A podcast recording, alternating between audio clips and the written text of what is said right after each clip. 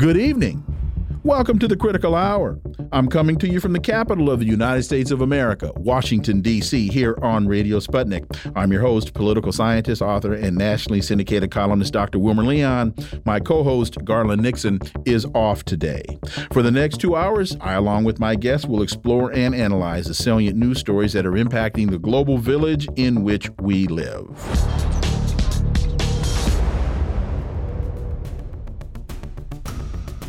Ukrainian President Volodymyr Zelensky is to visit Washington next week. His visit was coordinated with the Biden administration in a joint push to get Congress to provide $24 billion in additional aid to Ukraine.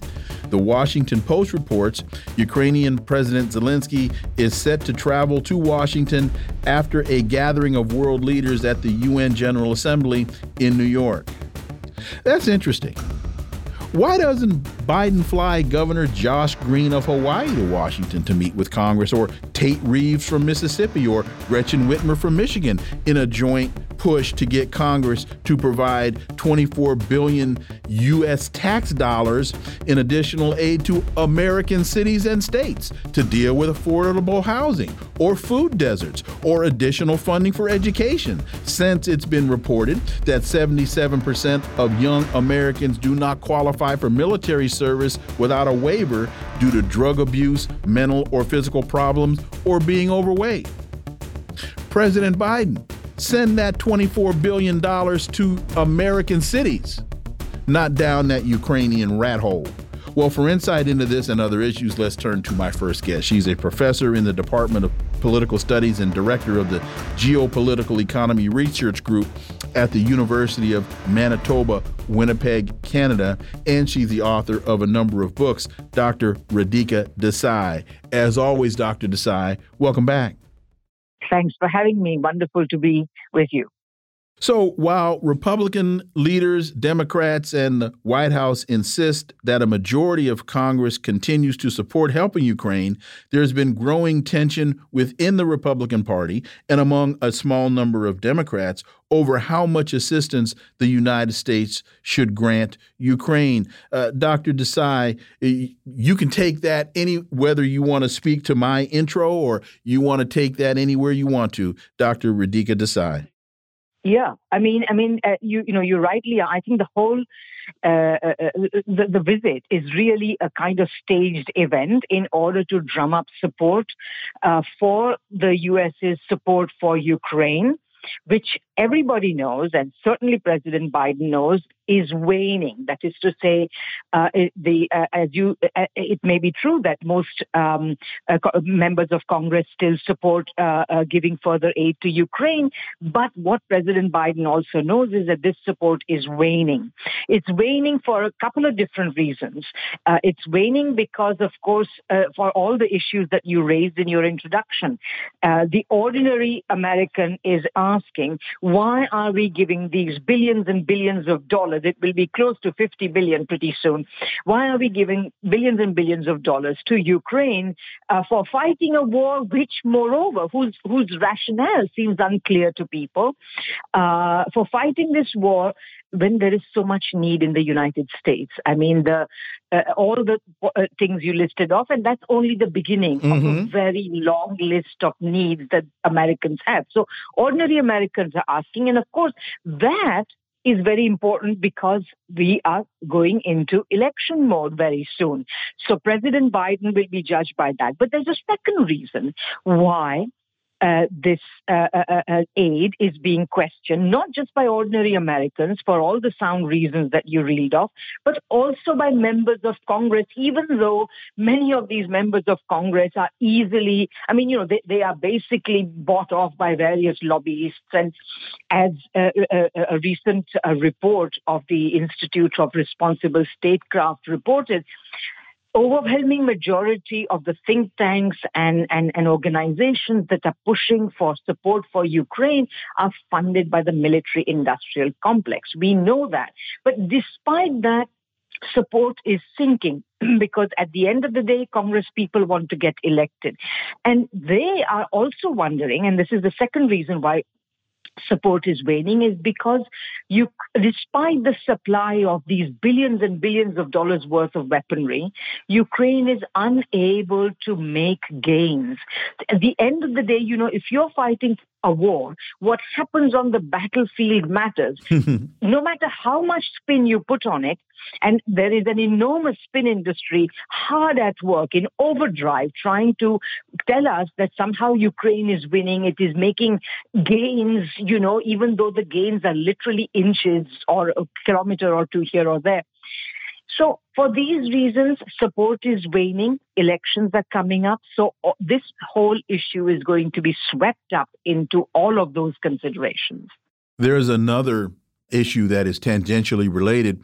Ukraine has become so desperate for soldiers that they're, Ukraine is now asking European countries to return Ukrainian draft age men who are refugees. And Austria is saying no, they will not extradite draft age Ukrainian men who entered the country following the Russian intervention.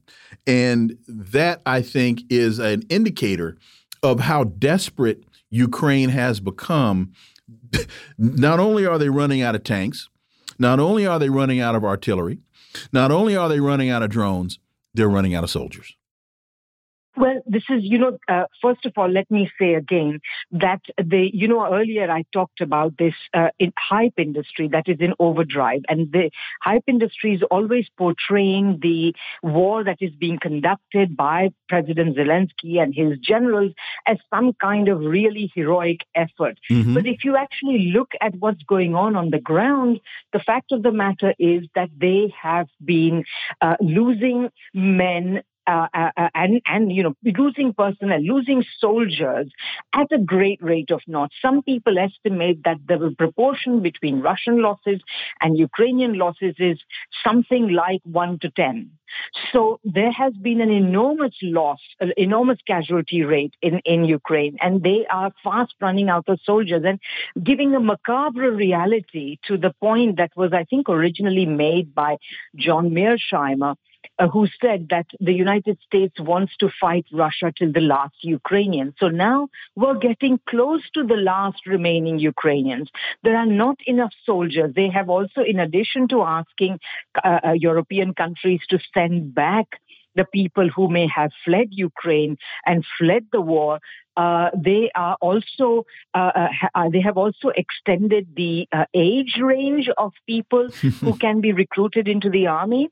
And yes, absolutely. I mean, you know, one of the other things that people forget is that what's happening in Ukraine right now, the United States is allying with forces that are definitively fascist. We know that fascist forces are part of the Ukrainian government. President Zelensky has banned all uh, opposition political parties. He more or less essentially controls parliament. And then, uh, uh, you know, and there is nary any criticism from in our media about this. You know, we are supposed to be fighting for democracy. Well, he has basically shut down democracy in that country. Well, wait a minute. The United States overthrew the democratically elected government in 2014, which caused this whole mess. Well, indeed, that is also so true. So, so first of all, you install an, un, you know, an, a, a, you overthrow an elected government, you install another government, then you support it, you arm it, you allow it to ally with fascists, and this kind of thing, you know, return return these people. This is, you know, it smacks of fascism, and of course, other countries are saying that, you know, we're not going to do this. We are not going to violate our own constitution. We are not going to violate our own humanity by doing what you are asking us to do. So uh, that I'm sure this is only the beginning of this. I'm sure this is if, if President Zelensky persists in his demands, this is going to create quite a backlash against the Ukraine, the, the so-called Ukrainian cause. And I say so-called because, of course, everybody who says, I'm standing for Ukraine is actually contributing to the destruction of Ukraine. If people had simply said right from the start, sign the Minsk Accord, implement the Minsk Accord, we go. simply wouldn't be here. We would not. In fact, President Putin told Joe Biden repeatedly All you have to do is implement the Minsk agreement. We have already negotiated this thing. All you have to do, Joe Biden, is get out of the way and let Minsk be implemented, and we won't have a conflict. But what did we find out from Angela Merkel? They never, even when they were negotiating Minsk, they never intended for Minsk to be implemented. It was all a ruse so that Ukraine could have time to rebuild its army so that they then could go in and attack the Soviet eh, attack Russia. You know, I mean, I just want to say one thing here. I mean, people who have the time to do this and the ability to do this should go back and read the Die Zeit interview that Mrs. Merkel gave. Mm-hmm. Actually, if you read it closely, Mrs. Merkel is not saying that we were pulling wool over the eyes of the Russians. I, what, what she said was that we wanted to give Ukraine time. Time for what? Time to prepare for joining the European Union, which we know they wanted to do. And then later on, she says, yes, then they used the time to arm themselves and prepare for this war. So these are two quite separate statements. And it's not, what surprises me is that this interpretation is sticking and she has not come out and refuted this in, interpretation. But if you actually read it, and I, I do read some German, and I also asked my German-speaking friends to confirm my interpretation, and that was indeed the interpretation that they confirmed. So it's very murky. The fact of the matter is that the Minsk agreements were prepared, especially Minsk II. The Germans and the French were right behind it. They wanted it. The Germans, the French, and the generally the Europeans in the period, especially of the Trump administration, but even going a little bit before that, they had been trying to assert their their need and their right to have a Euro- independent European security framework. And if you're going to have an independent European security framework without massively increasing defense spending, which the Europeans don't particularly want to do. Quite sensibly, I think, you have to have peaceful relations with Russia. You can't have peace in Europe while you're making an enemy of Russia. What's more, Mrs. Merkel had staked her entire energy strategy on getting cheap gas sure. from Russia. Mm-hmm. They built Nord Stream 1, they built Nord Stream 2. And so this just does not square with the idea that they were pulling, you know, they were fooling the Russians. So to me, something else is going on. The Europeans wanted one thing and the Americans wanted something else. Well, to that point, uh, Zelensky says the same thing that he never intended to implement Minsk, and uh, uh, Viktor Yanukovych said that that interpretation is accurate. Well, as I say, it's a question in my mind. Okay. I, am okay. reading this, I'm reading the history, and I'm thinking, does this really make sense? Or is some other fault line being papered over? Okay. Okay, fair enough. Let's move to the G20 because there's a, a piece in the Independent UK climb down on Russia and the new Belt and Road. Five key points from India's G20. Uh, we've got about five, about four and a half minutes. I won't read it. I'll just throw it to you. Uh, what should people really understand to be the takeaways from this most recent uh, G20 summit that took place in India? Well, I would say that the big, uh, the, the overall interpretation is that like the whole series of meetings that have taken place in the recent past of top level leaders, whether it's the uh, uh, NATO meet, uh, sorry, yeah, whether it's the G, G7 and the NATO, and then you had uh, BRICS meetings and so on.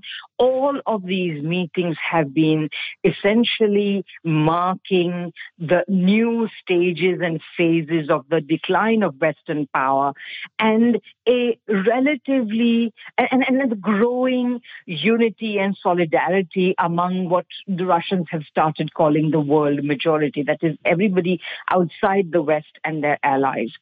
So in the G20, uh, some of the, you know, to take some of the main things that happened. Number one, the West, no matter how much they tried to put a brave face on it, they had to accept a joint statement in which there was no fingering of Russia. There was no condemnation of Russia. And we know that they fought very hard to introduce something like it because we know that this statement. It took like days. It took almost three weeks to negotiate this statement. So that's the first thing. So the West had to accept, they had to swallow a joint statement that did not include their uh, uh, uh rhetoric about, you know, uh, Russia's aggression and unprovoked aggression, blah, blah, and so on.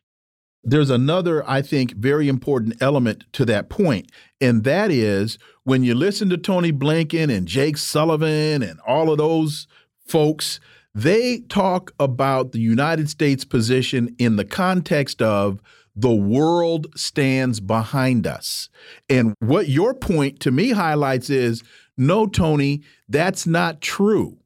Take it from there. Absolutely. I mean, what do you mean the world stands behind you? The fact of the matter is that the overwhelming majority of the people and countries of the world are not behind Western go. sanctions and the Western position. There you go. That's the key. There you go. So, so now the second point, the second takeaway. Go ahead. Uh, right. So the, the, you know now uh, uh of course uh, uh India has uh, you know basically engaged in its own sort of form of diplomacy. The fact of the matter is that in my estimation anyway, the Indian government is not particularly committed to any kind of global south or anything. They are the most pro-American party we have in India, and India is among the most pro-American countries in the world. But what has happened is that circumstances have essentially forced Modi to accept that the only way in which he can kind of grandstand is to is to go along with this global majority thing. So he has uh, uh, invited uh, on his initiative. The African Union was invited and was made a member of the G20. That's a very good thing. So that's again uh, the G20 having to accept that uh, the, the, the the center of gravity of the world is moving away from the West. And one other thing I, sh- I should like to say is that the Western world has been trying, Western media has been trying to say that, ah, well, the G20, uh, we should not never have expected there to be a condemnation of Russia in the G20 because it's an economic forum, it's not a political forum. And I don't think that's true. If the G7 is a political forum, so is the G20. And in fact, we should remember also that the G7 itself, which was originally the G6 in the mid 70s, and then they added Canada, it became G7. The G7 was itself a mark of the decline of American power because essentially the Americans realized that it needed to talk on a permanent basis with Europe and Japan okay. in order that they might they, they might uh, uh have a collective strategy about governing the world economy.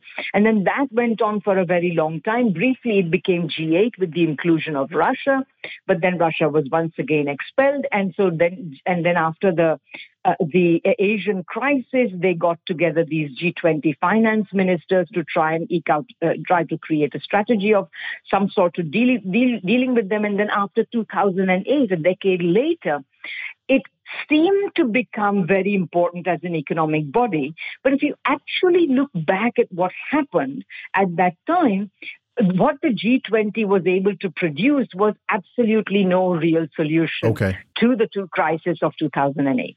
And if the G7 is political and, and if the G20 is political, ECOWAS is as well. And the United States try to get ECOWAS to go into Niger. I'm just making that point that that argument doesn't hold. Dr. Radhika Desai, as always, thank you so much for your time. Greatly appreciate it. Look forward to having you back. Thank you, Dr. Leon. Folks, you're listening to the Critical Hour on Radio Sputnik. I'm Wilmer Leon. There's more on the other side. Stay tuned.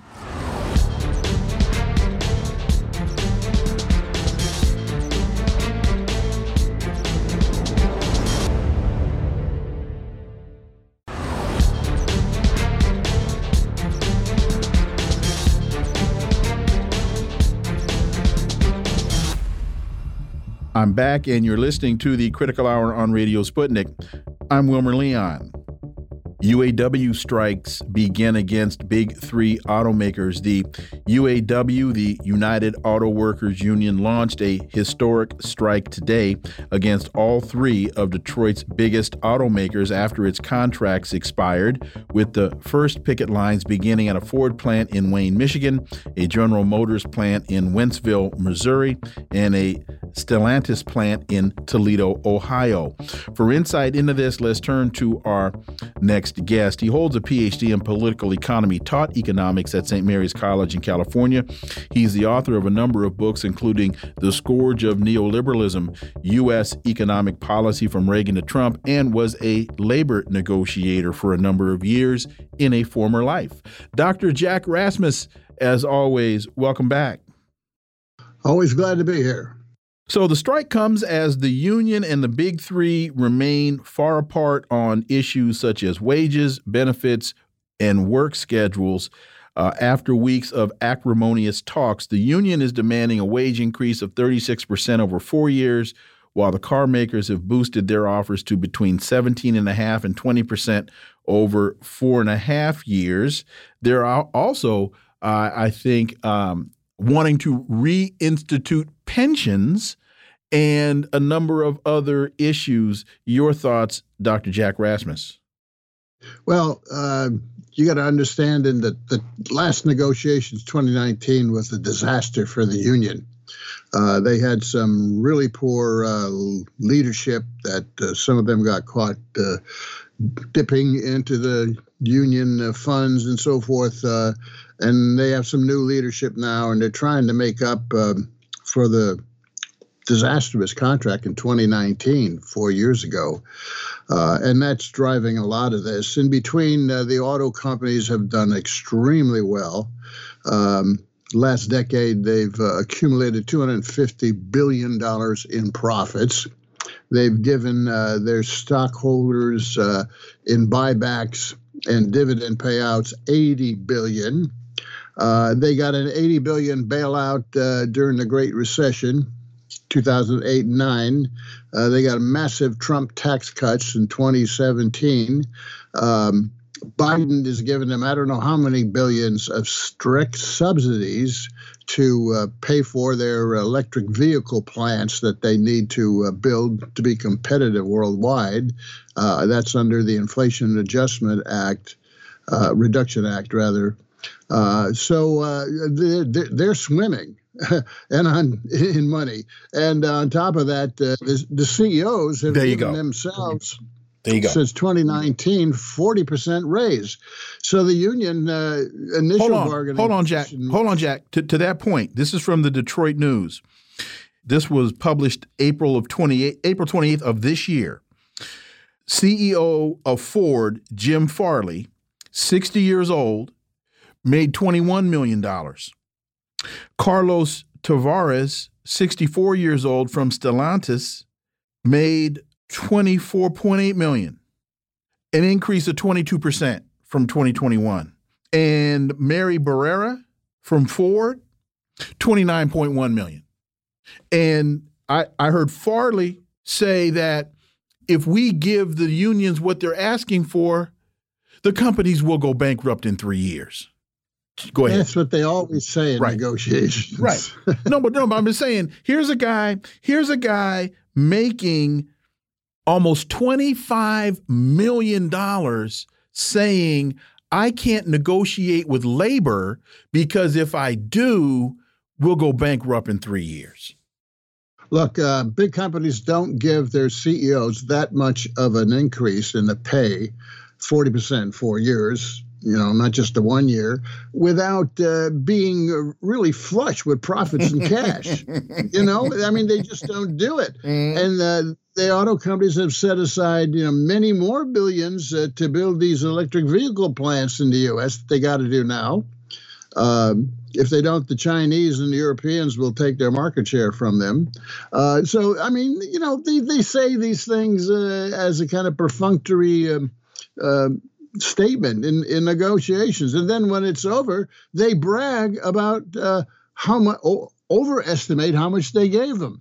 I mean, look at the Teamster strike, the UPS, the settlement. Well, they never went on strike, right? Uh, oh, they were saying UPS was saying, "Oh, we're going to go bankrupt, bankrupt," you know. And then when it's over, uh, they uh, highball the amount of money. In other words, they brag about how much money they gave to the union. Of course, it's not accurate or true.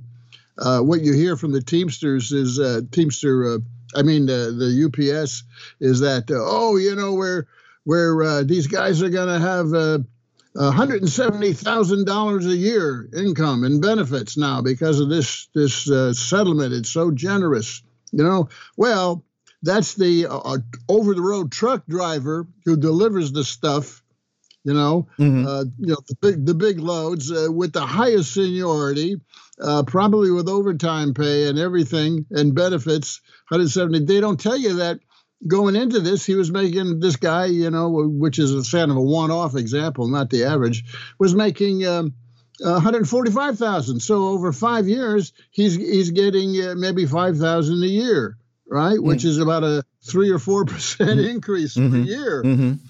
They don't tell you this stuff, but they, you know, they lowball. Oh, we, we don't have any money going in, and then after it, they say, oh, we gave them so much. You know, so that's very typical. I mean, once again, they don't give those kind of raises to CEOs, um, and they don't give eighty billion dollars to their stockholders, you know, uh, without being flush with cash.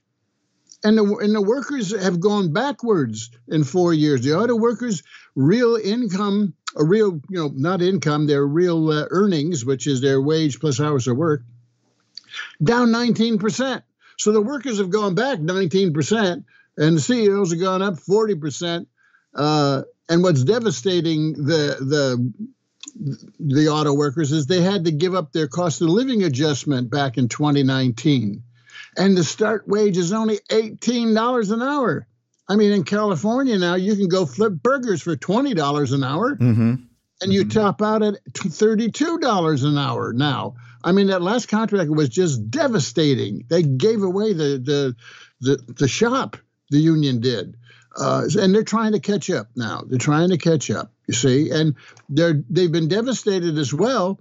Uh, they've given up uh, their defined benefit uh, plan for a lot of workers because they have the two tier system now. Uh, you hire people at lower wage, often temps, right? They don't get defined benefit pensions, real pensions. They pay uh, so much per year service when you retire per month. Uh, they get these phony 401k plans, right? Mm-hmm. Uh, mm-hmm. So the union wants them to uh, be able to take everybody on a defined benefit real pension plan. Um, and their wages are lower. The start wages are lower for temps, two tier. This two tier thing, which is a, a hallmark of concession bargaining over the last four decades, uh, is is uh, just poison uh, and it splits splits the uh, the union uh, workforce, you know, into the haves and have-nots, or the have-nots and the more have-nots, uh, and um, they got to get rid of it. Uh, the Teamsters almost got rid of. it. They didn't get rid of the idea of a two tier, but they they got more money for the low-paid second tier, and they're trying to close the gap. And that's another demand that the union uh, auto workers have. They want to close that gap and they want people on pensions, and, and they want to restore the cost of living, which you can see uh, has been devastating here in, in the last year or so. You know, with inflation mm-hmm. 9 mm-hmm. percent last year, it's going to be about five six percent this year, and it's going to be chronic and continuing now. They got to get that cola back. So let me ask you a tactical question. Shawn Fain, the current UAW president, I thought I heard him or I read where he said last week that this was going to be, and I think this is the, I'm using the right term, a general strike, that all UAW workers across the country were going to walk out. Well, now what we have is a targeted strike. Ford plant in Wayne, Michigan, GM plant in Wentzville, Missouri, Stellantis plant in Toledo. Do you have any insight into why it went from a general strike, and again, correct me if that's not the proper term, to a targeted strike?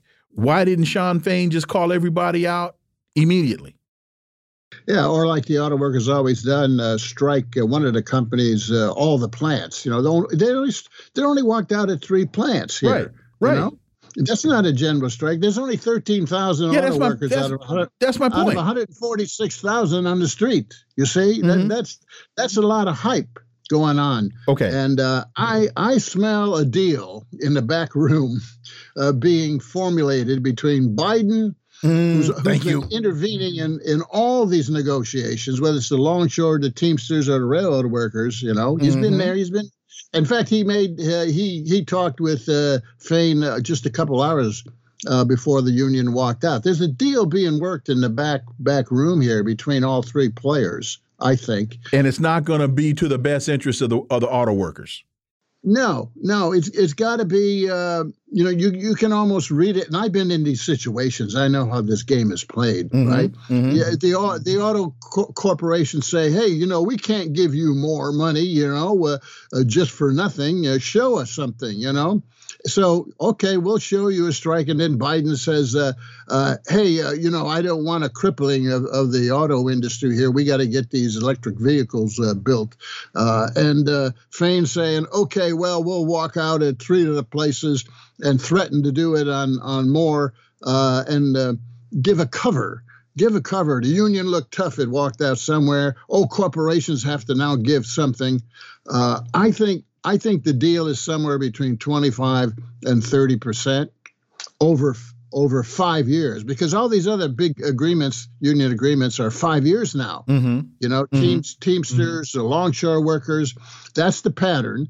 And uh, the Teamsters got like 20 percent, and uh, the uh, uh ILW got 32 percent, uh, airline workers got 40%. So I think it's somewhere around 25 in a five year, 25 to 30 in percent increase in a five year agreement, with maybe COLA being restored down the road. Mm-hmm. In other mm-hmm. words, in the third or fourth year of, of the negotiations, and maybe some token increase uh, uh, for um, uh, low paid pensions, you know, uh, but they're not going to go to a four-day work week, which is what the, the union raised, you know, and they're not going to get rid of two-tier at all. But th- th- this is a dance, you see. Right. This is the dance right. going on behind the scenes, and it smells like there's a deal worked out, and uh, they're going through the motions here. Uh, and the union isn't isn't going to you know, historic strike. The media says, oh, historic strike. They're striking all three. Well, one plant and all three. And by the way, the plants that they are striking are not major plants. They're, the, they're not the big SUV and truck plants. Exactly. They're, they're smaller plants, you know? Exactly. So, so, that tells me that there's, there's a, you know, nego- these negotiations go on behind the scenes in these big contracts. It's not as if, you know, the workers sit down – with management and they say, oh, we're going to strike and so forth. Uh, and, and this is a problem for labor.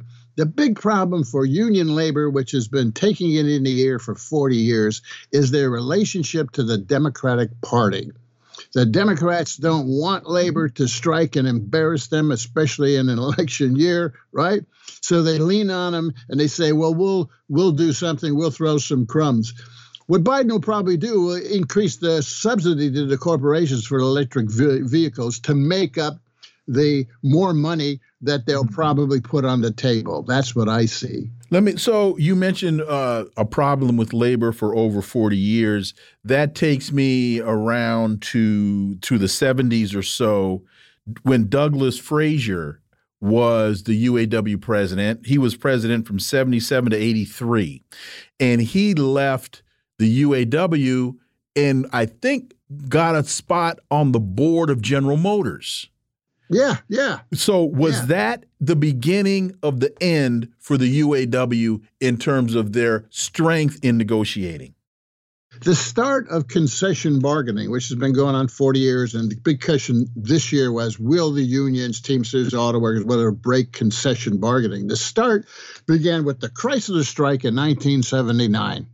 In that strike, President Jimmy Carter got together with Fraser and forced the union, and Fraser sat on his people uh, to agree to concessions. That set off the concession bargaining uh, process. And when Reagan comes in, you know, uh, it's offshoring and uh, it's uh, new legislation here to uh, uh, drive down transport uh, wages and prices, and uh, it's uh, all kinds of measures here. You know, more part-time workers, more temp workers, uh, stealing the pensions. All this stuff began uh, with the 1979 strike. It, this is sort of historic in the sense that you know, are the auto workers going to change this whole pattern here. Uh, I think they'll dent it a little bit, but they're not. You know, they're not going to be able to to uh, sweep back all that they gave away. The question is, can they stop giving away even more? Mm-hmm. Well, the Teamsters mm-hmm. stopped it, and they sort of chipped away at all the takebacks, right? And we'll see with the auto workers, probably the same thing going on. Uh, so, yeah, I mean, concession bargaining, what I call the great detour of uh, union labor here for 40 years. They've gone backwards, and their numbers have declined, uh, you know, in, in, in the meantime. I mean, the private sector, not counting uh, public workers, you know, only represents about 7% of the labor force today. You know, uh, it, has been a great retreat. And um, I don't see any big victory here. You know, I see some token mm-hmm. token mm-hmm. gains, mm-hmm. and maybe they won't give up you know, I mean, uh, more. Uh, the auto workers don't have to give up any. I mean, the auto companies, um, you know, they're fat, as we said. Right. Uh, just as the shippers on the West Coast were fat, and UPS was fat. Switching gears, because this is what we were going to initially start with, and then the, the strike occurred. The CPI report, August core inflation, excluding flu, food and energy, rose 0.3%, hotter than expected. For the last couple of minutes we got, why is this this current CPI report so important, Dr. Jack Rasmus? Yeah, because it shows that the services prices uh, are continuing in in uh, roughly six percent range. In other words, for four months now, they can't get services cost and inflation down. It's stuck despite the Fed rate hikes. Right now, goods prices uh, have come down uh, over the past year, but now they're going back up again, driven largely by energy, gasoline, fuel oil, soon natural gas. The oil companies are price gouging us again. OPEC is raising, and oil companies are using it in the U.S. at the at the pump to start gouging people again. You got price gouging continuing in processed foods, uh, in insurance, and other areas of the country.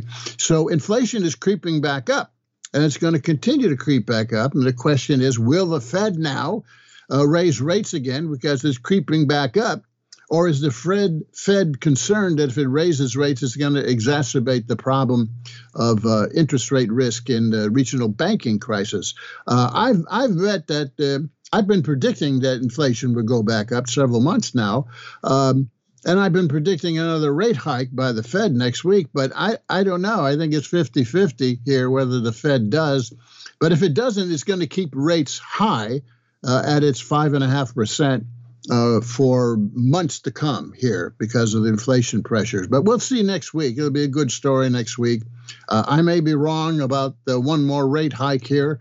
Um, it looks like uh, you know most economists uh, 10 uh, only 10% of the economists out there are saying another rate hike. 90% say oh the fed is done. And of course the uh, the fed has been getting tremendous pressure from the banks and investors not to raise rates any further here. So we'll see who wins the investors or the fact that we got inflation creeping back up. But inflation has not been tamed particularly in the services. It's still a problem a chronic problem and it's sort of creeping back up Dr. Jack Rasmus, as always, thank you so much for your time. Greatly, greatly appreciate that analysis, and we look forward to having you back.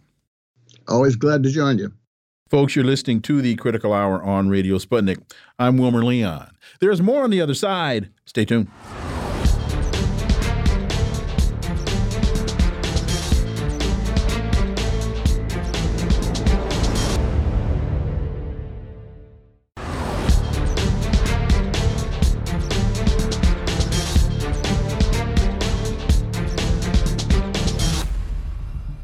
I'm back, and you're listening to the Critical Hour on Radio Sputnik. I'm Wilmer Leon. Dominican Republic closes border with Haiti, further stoking tensions. The Dominican Republic had already begun building a wall at its border with Haiti. Then it cracked down on immigration, deporting tens of thousands of Haitians back to Haiti. Now it's closing the border entirely. For insight into this, let's turn to our next guest. He's a journalist and editor at Haiti Liberté, Kim Ives. As always, Kim, welcome back. Thanks, Wilmer. Glad to be here. So, President Luis Abinader announced the Dominican Republic will shut all of its land, air, and sea frontiers with Haiti starting today amid a festering dispute over Haiti's plans to construct a canal off a river that separates the two countries. Kim, water we know, whether it's the Palestinians' access to potable water, or now because we know that Haiti has suffered with cholera being uh, in its water systems. It, what's going on here, Kim? Well, this is a project, a project to irrigate a plain in Haiti in the northeast corner of the country, uh, which borders the Dominican Republic. And the river dividing the two countries that forms the border is called the Massacre River, which uh, is named for a massacre which happened back in colonial times against the Native Americans, which uh, originally populated the island. And um, this river is the, the bone of contention because under President uh, Jovenel Moise back in April 2021, uh, he began a project to make a canal uh, siphoning off some of the water from the river onto what's called the Maribahoux Plain, which is uh, uh, just east of the of Cape Haitian, of a town actually called Ferrier, just south of Fort Liberté. And uh, this plain is one of the last few arable spots of that neck of the woods. There, there are two big assembly industry parks built, one uh, uh, Kona, Kona, Kona, which is right on the, the border uh, between Dominican Republic and Haiti. So this area in the Northeast is already uh, the, the home to two industrial parks, one on the border exactly between the Dominican Republic and Haiti, and another one which was built with Clinton uh, earthquake money just to the west of that area. So uh, Jovenel Moise's plan in 2021 was to build this canal that would help irrigate this plain, and Haiti could begin growing more food there. Uh, uh, uh at the time, President Abinader uh, opposed this. The two of them sat down at a meeting in May of 2021. But two months later, as most people uh, know, uh, Jovenel Moise was assassinated uh, in his home on July 20, on July 7th, 2021, and this canal project came to a screeching halt. Nothing happened. But eventually, the farmers of the Maribahoux Plain got together and they uh, hired crews and they resuscitated the project. It wasn't the government of uh, Ariel Henry, de facto Prime Minister Ariel Henry, who started it again. It was the actual farmers themselves. And they've gotten to the point where they're about 100 feet uh, left mm. to uh, finish the project, uh, you know, to put in the cinder blocks and, and, and get the, the water uh, flowing in.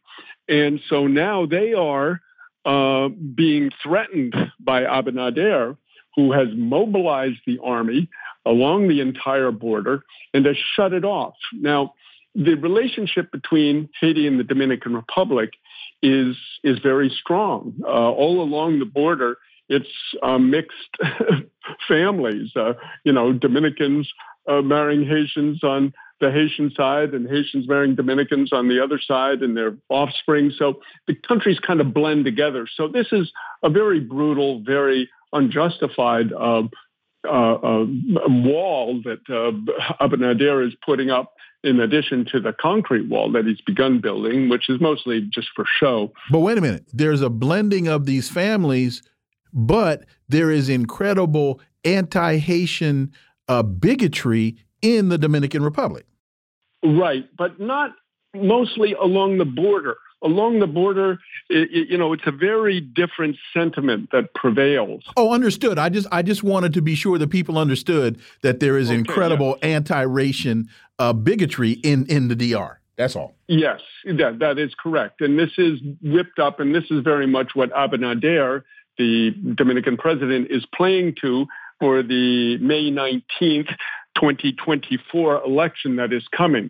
So he's trying to posture as an ultra nationalist and you know being tough on the Haitians. But by now shutting off the border today, uh, what he's done is. Um, in, a way, he's shooting himself in the foot because the Dominican Republic, frankly, runs off Haitian labor. And the town of Dajabon, which is right near uh, the area in dispute, the canal in dispute, uh, Dajabon is right across the river from the town of Ouanaminthe. And every Monday and Friday, thousands of Haitians go across and they shop in what's called the International Market of Dajabon. It's a big covered market there. And they spend uh, each week, uh, according to a report from 2019, between 1.2 and 1.5 million dollars uh, mm. each week. Mm-hmm. So, so this is a lot of commerce that uh, the Haitians give uh, the Dominican economy, and then if you go to the Dominican Republic, Haitians are working in every field, in every hotel, in every uh, uh, construction site you go to. You, you'll see Haitians working there.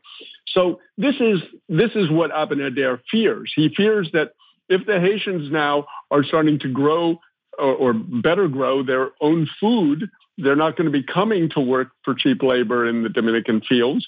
They're not going to be coming to buy food in the Dajabon market. And so he's trying to shut down this uh, canal project. I'm glad you brought that up in terms of growing their own food because there was a time when Haiti had tremendous rice production there was a time when when Haiti was able to basically feed itself.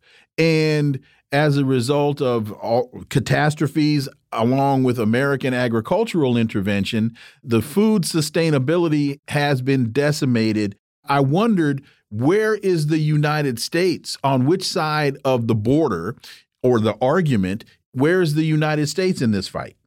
Well, exactly. Uh, two days before the border was uh, the deadline for the border to be closed, which was yesterday, uh, the 14th, the U.S. put out a statement saying all uh, foreign travelers should, uh, all Americans should leave Haiti immediately and not travel to Haiti, mm. and said nobody should come because the situation has gotten too dangerous. Uh, and so our paper for instance, saw this as an implicit support for Abinader. They're, mm-hmm. they're trying to uh, ratchet up. And it has to be reminded that today the Security Council was supposed to meet on sending a, a foreign military intervention into Haiti, mm-hmm. uh, as uh, the U.S. and Canada and France have been pushing for uh, since last October. And that discussion was uh, uh, postponed today because they fear that Russia or China will veto the measure. And this is not for a traditional blue helmet force, that is, the, the usual force uh, that a UN intervention takes is the blue helmets, which are under the control and direction of the Security Council. This is something else entirely. It's basically where the U.S. would concoct its own force, and it's talked about bringing in Kenyans. I mm-hmm. think we've talked about it on this show, yes. who are notoriously brutal in Africa, and some Jamaicans and Bahamians, and, and basically put some blackface on this essentially U.S. and Canadian intervention into Haiti to take control of the country. Rwandans so, as well, right? Rwandans as well, correct. So uh, the point is that um, all of this is kind of coming to a head right now, but they had to basically postpone the debate that was supposed to was scheduled to happen today in the Security Council because of uh, this crisis. So uh, essentially, the Haitians are um, yeah have have had their agriculture destroyed not just by dumping from the U.S. Uh, famously Arkansas rice farmers, uh, with Bill Clinton's support, dumped uh, tons and tons of rice on Haiti, destroying the Artibonite Valley rice production. Uh, the same thing happened for uh, many other products with dumping that came from the Dominican Republic. uh, and uh, where a lot of the agricultural operations are, in fact, U.S. owned or have big sources of U.S. investment. So uh, in in short, yes, this this valley, uh, this plain, the Maribahoux Plain, is very important, and you know would be a huge uh, suck on the um, amount of Haitian commerce that is uh, directed to the Dominican Republic today. It would uh, immediately create great, shall we say, conflict of interest for uh, Dominican growers and Dominic, er, Dominican merchants.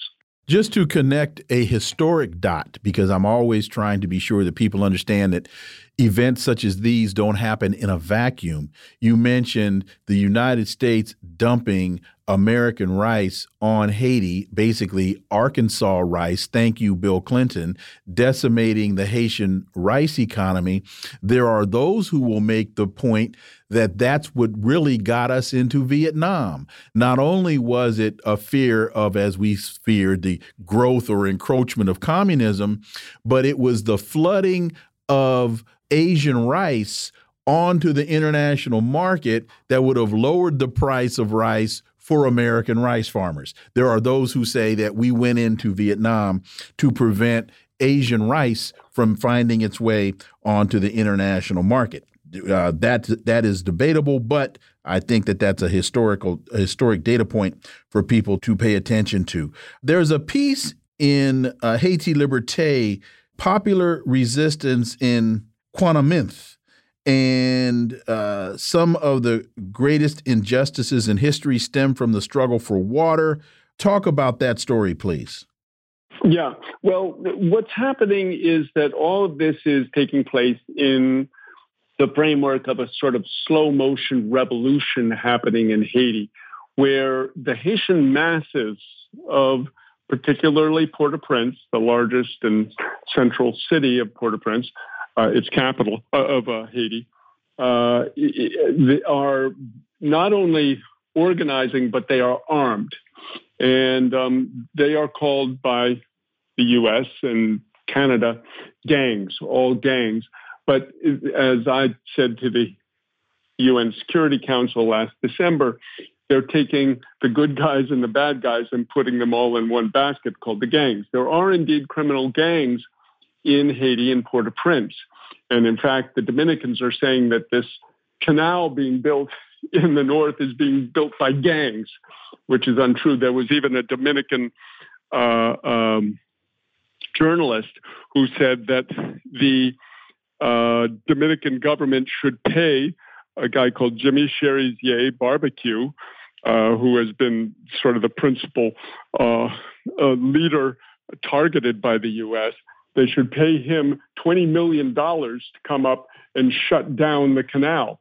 Uh, this morning, Jimmy Cherizier uh, responded, but I should explain who he is first. He is the leader of a confederation called the G9, which is not gangs, they are anti gangs. They are essentially armed neighborhood committees, which are set up to keep kidnapping and rape and other criminality out of their neighborhoods so people can go about their life in peace.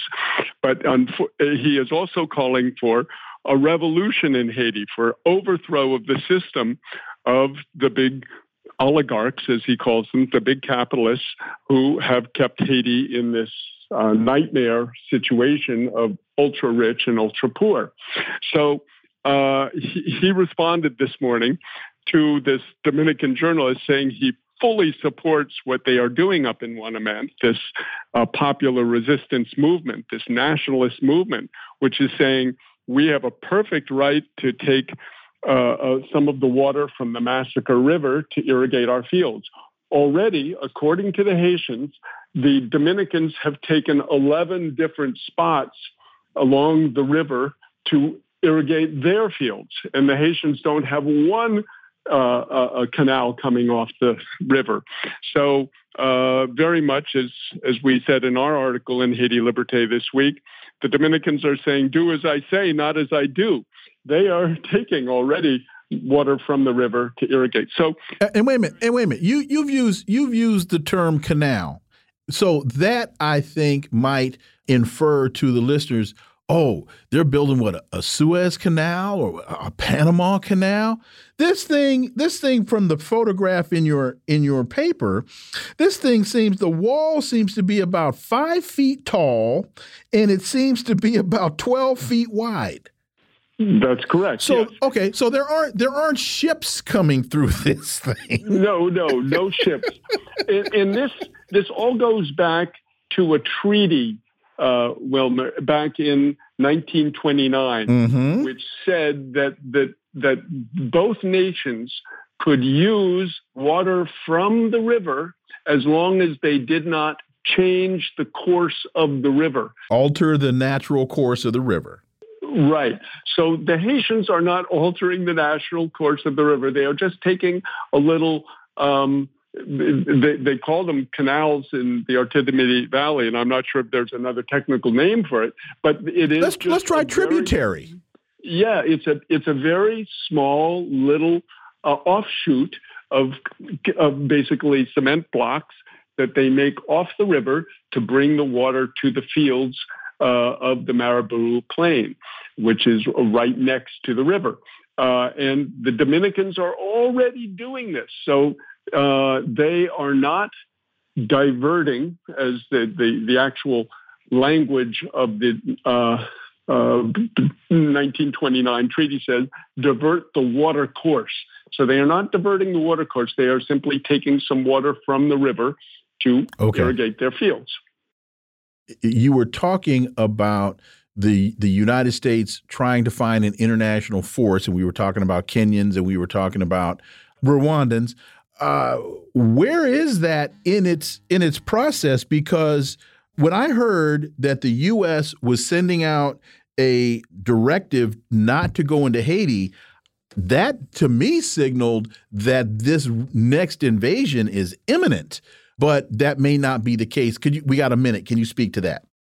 No, we think it is imminent because um, historically, and I've been doing this for 40 years in Haiti, uh, you know, before there's going to be uh, an international action, they, they will try to shut the place down, shut mm-hmm. down the airports, close off the borders, etc.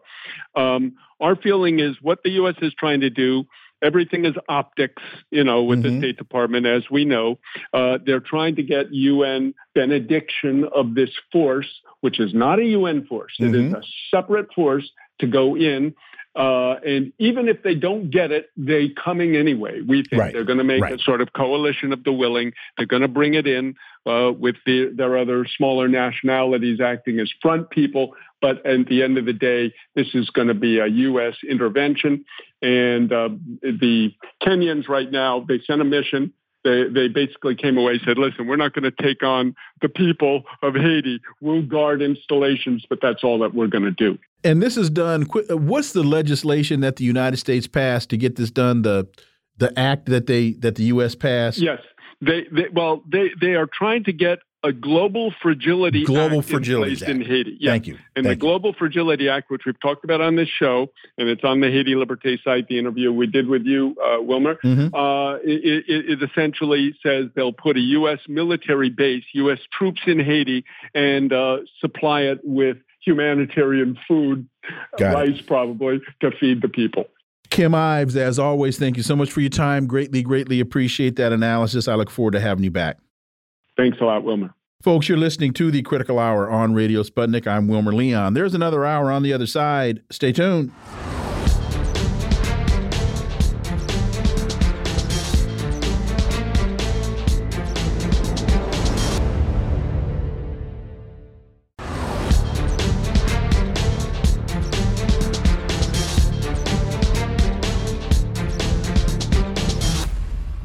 I'm back, and you're listening to the Critical Hour on Radio Sputnik.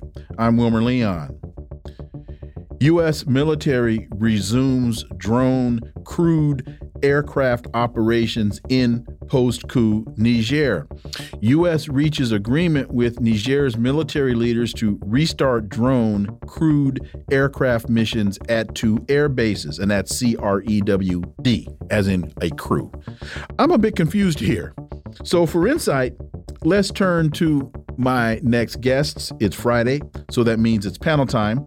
And we're joined by a professor at the Institute for the Study of Gender, Race, Sexuality, and Social Justice at the University of British Columbia in Vancouver, Canada.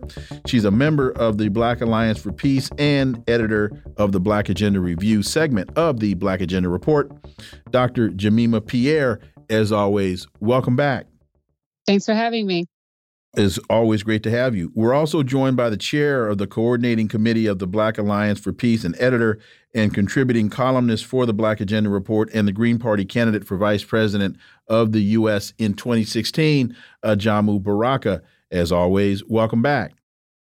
Good, good to be here. Thank you. So, the United States military has resumed operations in Niger, flying drones and other aircraft out of air bases in the country more than a month after the coup halted activities. Since the coup, approximately 1,100 U.S. soldiers deployed in the West African country have been confined to their military bases. Uh, Dr. Pierre, I'll start with you. When I heard that this arrangement had been reached, I was really confused. please, please provide some clarification. Well, I hope I can provide clarification. Um, I think we are all confused to a certain extent.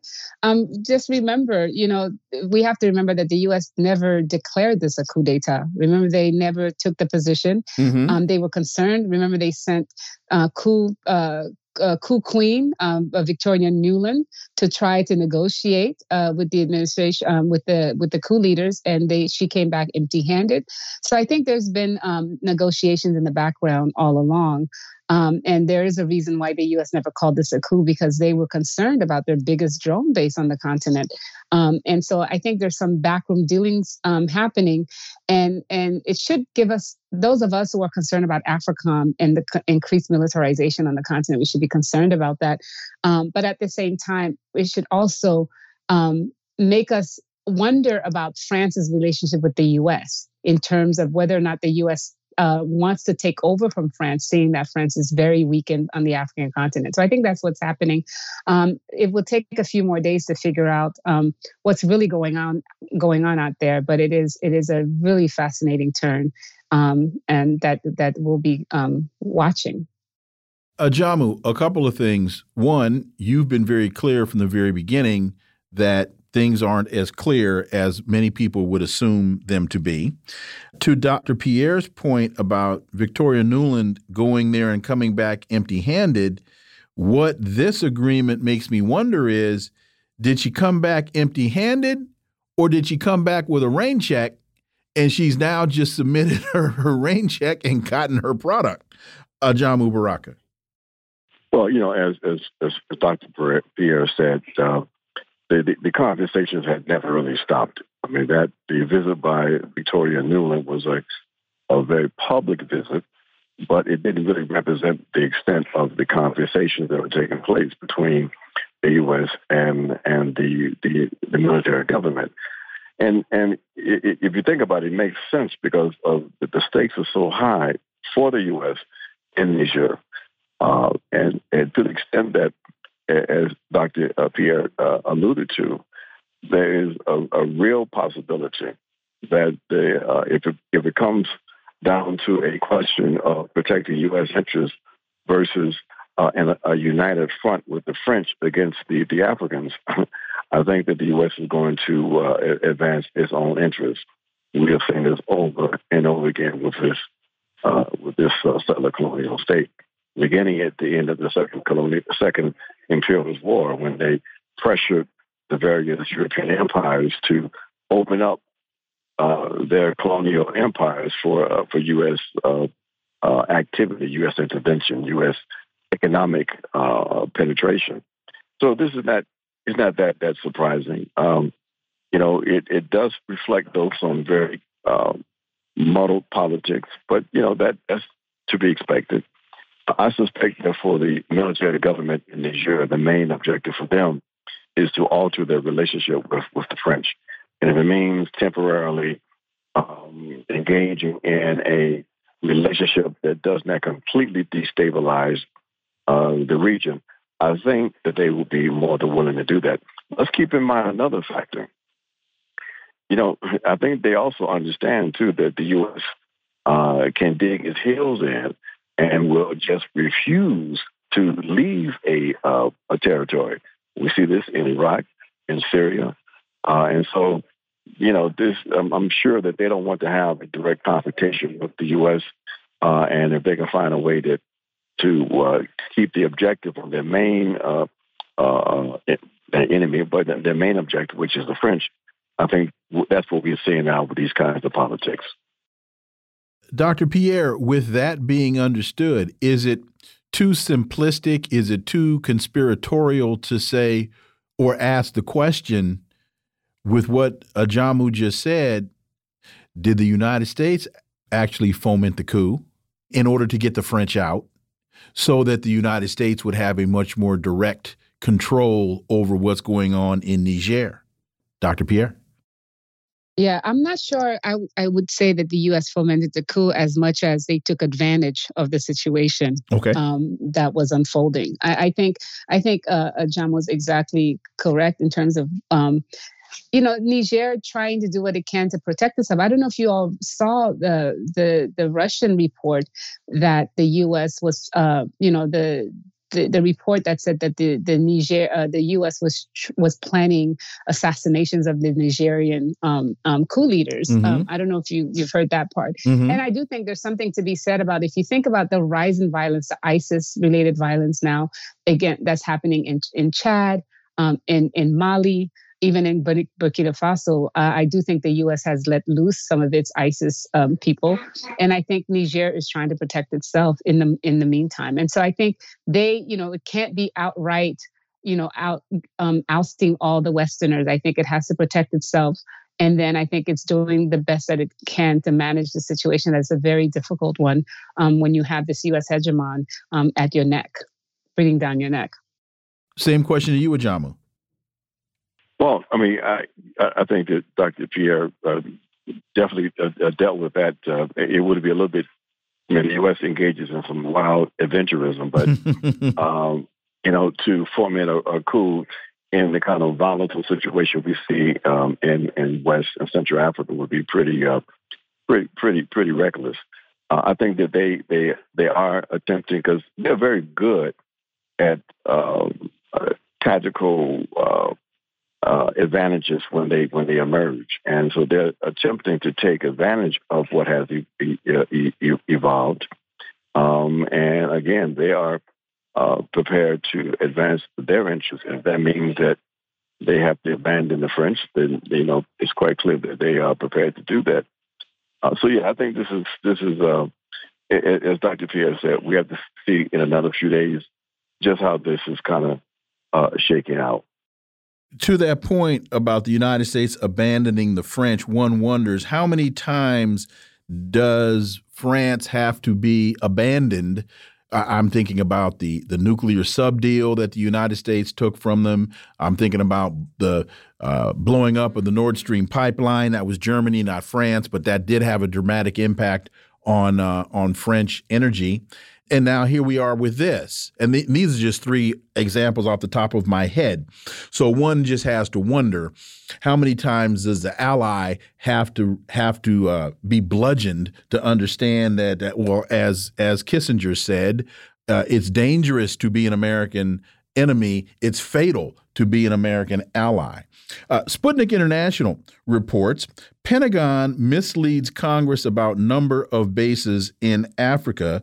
The U.S. Department of Defense has lied to Congress about its shady activities on the continent. General Michael Langley, commander of the U.S. Africa Commander AFRICOM, briefed Congress on the military's facilities in Africa. Dr. Pierre, when I read this story, when I looked at the picture, all I thought about was Colin Powell, Dr. J Jemima Pierre. Yes, definitely. Colin Powell and Barack Obama, to be honest. Uh, you know, uh, I think about Colin well, Powell. Yes, I was just thinking about and, black, and the, black generals. Iraq.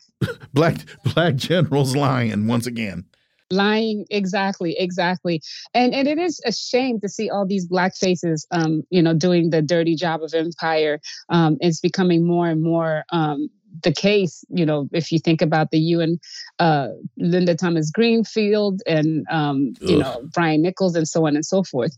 And so I, I do think um, there is something the, the Nigerian base is is something that um, people don't realize how big it is and how much it's worth, um, and that's why the U.S. is so afraid of losing it. Um, and but you know things like the base in Ghana that where the Ghanaians were protesting against that um, people, um, you know, the mainstream media barely covered. Um, the U.S. footprint in on the African continent is huge. And the fact that uh, Langley could get away with lying to Congress about that footprint is is is is quite telling of this so-called you know of this democrat of of of how this democratic party gets away with so much of this warmongering and and imperialist moves on, on the african continent. So but, but wait a minute but let me but let me ask you this let me ask you this. Why does he have to lie? I mean he's he's he's talking to his friends. I mean he's talking to his crew. Why does he have to lie that that's that's a great question, and maybe Ajamu has an answer. You know, I, I don't I don't think they want to show how much I think they're hiding um, their presence on the African continent. You know, AFRICOM, AFRICOM has had a, a very difficult uh, history, uh, you know, with pushback from the very beginning, from 2000 and, um, um, and, and I think eight, when Kip Ward under Obama tried to, you know, was the first commander of AFRICOM. Until this day, the AFRICOM base is not on the African continent. You know, the main uh, right, control center is not on the African.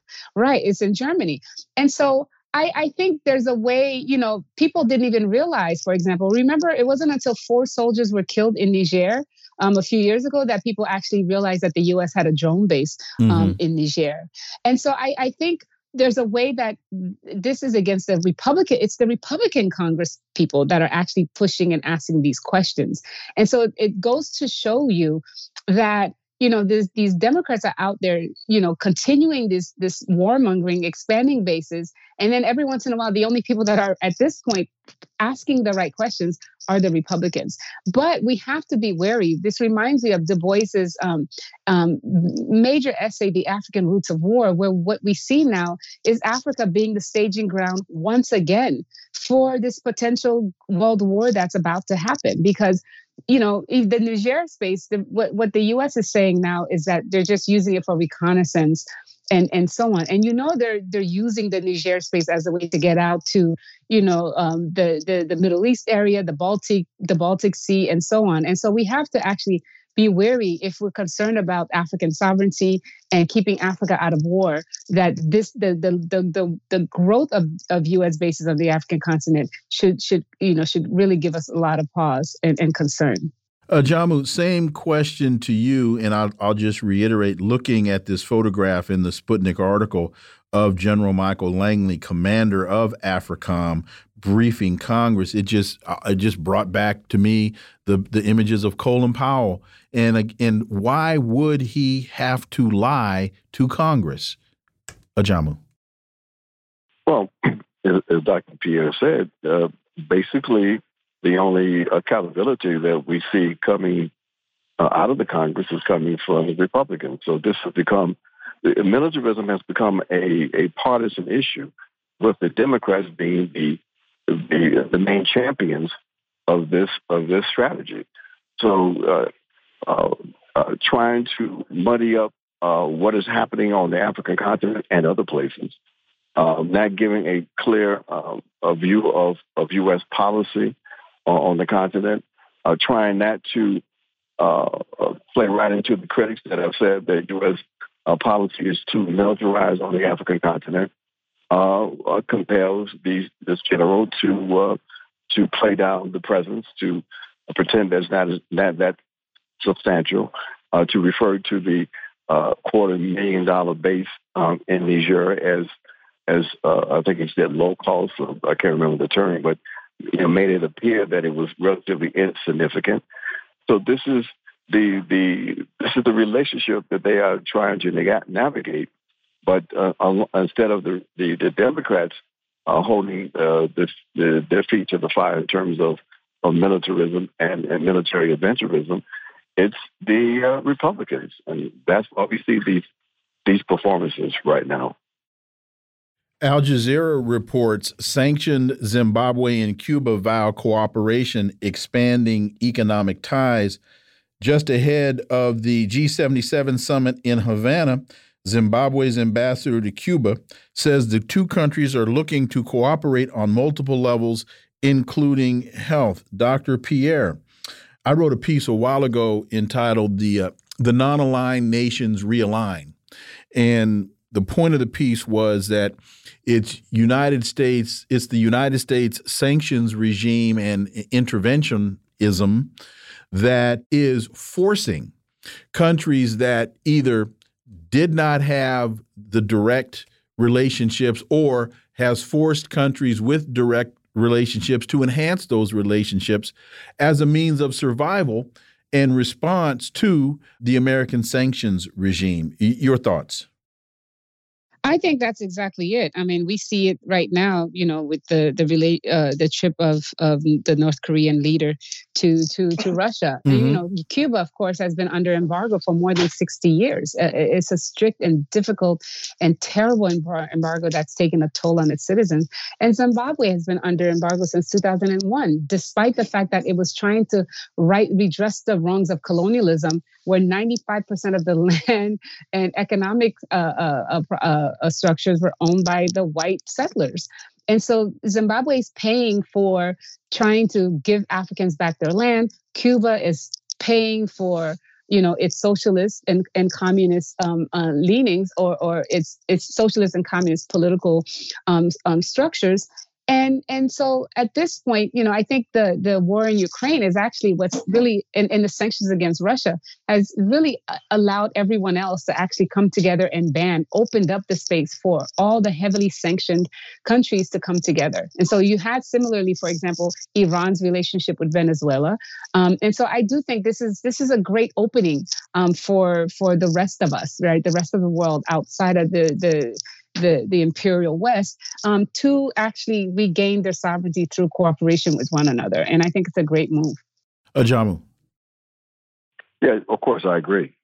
Um, you know, it, it, it's, it's, it's, a, it's a, a continuation of the, the shift in both real and perceived power away from the West. Of course, this relationship is more symbolic than than um, uh, substantial because there's not a lot that Cuba and Zimbabwe are going to be able to, to do that's going to improve either one of their situations. Uh, it's interesting to me, and people sometimes forget that, that the case with Zimbabwe, Zimbabwe was in fact the uh, the, the the model the, where, where the U.S. and European powers experimented mm-hmm. on uh, using sanctions. Uh, so outside of the embargo that Cuba is facing, uh, it was the uh, Zimbabwe experience in which they really perfected the, the use of, of sanctions. So it's, it's an interesting kind of relationship. But again, it it it, it, really just indicates this, this, this continuing shift, at least in the perceptions, uh, that the U.S. and Western, Europe, Western European powers are no longer able to impose their will, and that the uh, uh, uh states that at one point yet would never dare to uh, openly re- rebel or resist uh, these these powers are now doing that on a consistent basis. The U.S. introduced a UN resolution to provide a multinational force in Haiti. The UN had scheduled uh, the vote for today, but that vote has been postponed as the United States is afraid that uh, Russia and or China would veto that. Uh, Dr. Pierre, uh, talk about the significance uh, of this because now the United States has uh, Rwanda and Kenya as the face of the force. I also heard recently that Kenya said they would not go in and attack Haitians, that they would only go in to provide security of space. Your thoughts? Yes, I you know this is one of the things that shows you the the power of the U.S. Um, diminishing, not fast enough for most of us, but it is it is happening. Um, I do think what's really held off from the intervention, which by the way they've been trying to get since 2021, since the assassination of, of, of, of the Haiti's de facto president, they've been trying to get a force there for two years. And every single time they've come up against not Haitian protests primarily, but also the fact that China and Russia have been steadfast in saying that this needs a Haitian solution, that a foreign force cannot bring change. Um, in fact, Russia, um, Russia and China, China in particular, has asked for an embargo on the weapons that have been sent into into Haiti because that's really where um, um, the problem lies that, that their weapons are being dumped into the country. Um, the, the Canada, you know, uh, uh, imposed some sanctions on some of the Haitian elite who actually are funding um, these weapons um, that come through the ports. And so the UN and, and Ecuador, who's in charge of the UN office um, in Haiti now, um, refuse to impose this embargo because what they want is increase in violence and they want to keep to they want this intervention because they want to keep control of Haiti. And so this is a, I think for all of us, uh, it gives us a breather. And but we know that they're going to keep trying. But this is a good sign for us. But at the same time, we also know that the U.S. actually has been behind um, the the rise in, in violence and the rise in weapons uh, in the country. So I think it's you know we we we are grateful. Actually, I have to say we are thankful, not grateful. We're thankful that Russia and China are standing firm because we thought that uh, the U.S. was trying to use CARICOM to actually come in and, and pressure China and Russia uh, um, to move on Haiti. But it seems like that didn't work either. So let me ask you then, because China and Russia aren't going anywhere, and I don't see their position changing. So does the United States now try to do an end run? I mean, postponing the vote. The positions of China and Russia aren't going to change. Right. Well, it isn't. It is interesting because they've done it before. You know, if this was three years ago, if this was five years ago, the U.S. would have sent in its force regardless, mm-hmm. and then would have gotten the UN to to to to justify it later on. Mm-hmm. But there seems to be something that's so so you know. And then at first they tried to also send a force outside of the UN purview, and that didn't go through either. So we're waiting to see. And now that Kenya's gotten cold feet, CARICOM won't go unless the U.S. is paying it tons of money. I think they have a real problem on their hands in getting this intervention off the ground. So we're hopeful that you know that that it continues uh, to be this way. That they you know the longer this goes the, the, the more difficult it will be for them to actually get get um, because they're too afraid not to send their own U.S. military forces. So they need they need the proxies, and they and and up until now they cannot find the proxies. So until they do, then you know we won't have an intervention. And uh, Jamu, same same question to you, and and I'll add this: since Dr. Pierre just said the United States wanted to send their own forces, do they now even really have the forces to send?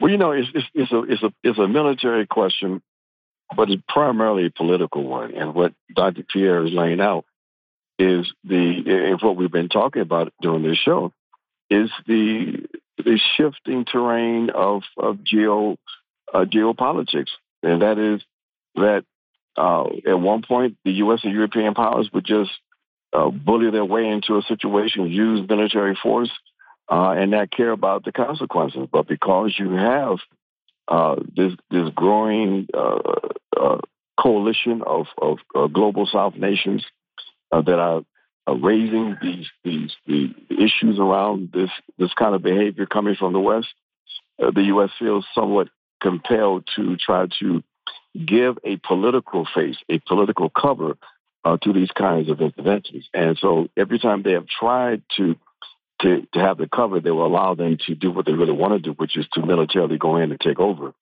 They've been somewhat thwarted. Uh, even the CARICOM piece, I mean, why as, as backward as that was in terms of them entertaining the notion of the possibility of of, of, of inserting troops, it, it, it, started a process in which the U.S. had to pretend to uh, adhere, adhere, to with this eminent persons and all this kind of stuff. Uh, and so it just demonstrates that you know, the, the, the political terrain globally has really, really shifted. That doesn't mean that they're not going to find a, a pretext, pretext to go in. Uh, uh, but uh, it, it, it's more difficult now because of the shift in global power uh, and the, the, backing of some very powerful forces against uh, U.S. and European uh, interventionism. And Dr. Pierre, we just have about a minute and a half left. I was really concerned when I read today that the Dominican Republic was closing its border with Haiti. And I think the United States, the State Department had issued a directive to Americans in Haiti to leave the country. And when I read that, I thought to myself, it's on, it's coming, and it's coming soon. But that may not necessarily be the case. Dr. Pierre. Yeah, I think they were preparing the the the media, the the Western audience for something. Uh, it's a scaremongering tactic, and the Dominican Republic, with its very right wing and racist anti Haitian government right now, that's really out deporting um, Haitians and doing all kinds of bad things and building uh, to using the the the U.S. border patrol um, against Haiti um, is that they would not survive without Haitian because Haiti is their biggest market. They dump all their goods in Haiti. So I, I just thought it was um, really um, the media warmongering and preparing the Western audience in case this um, this meeting had gone through and they had gotten the go ahead for intervention.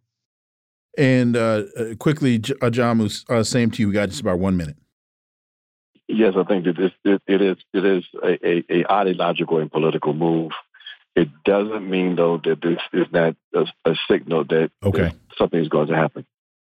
Thank you both so much. Greatly, greatly appreciated. Enjoy your weekends. Look forward to having you all back. Thank you. Thank you so much.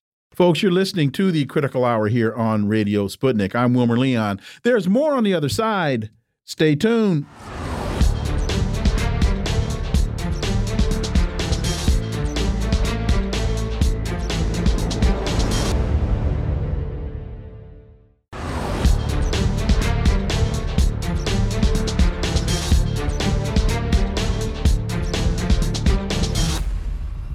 I'm back, and you're listening to the Critical Hour on Radio Sputnik. I'm Wilmer Leon.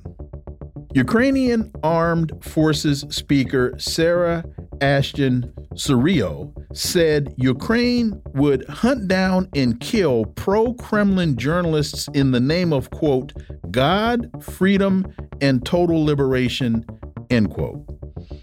Folks, if you see this video, it's really insane. It's insane talk from Crazy Town.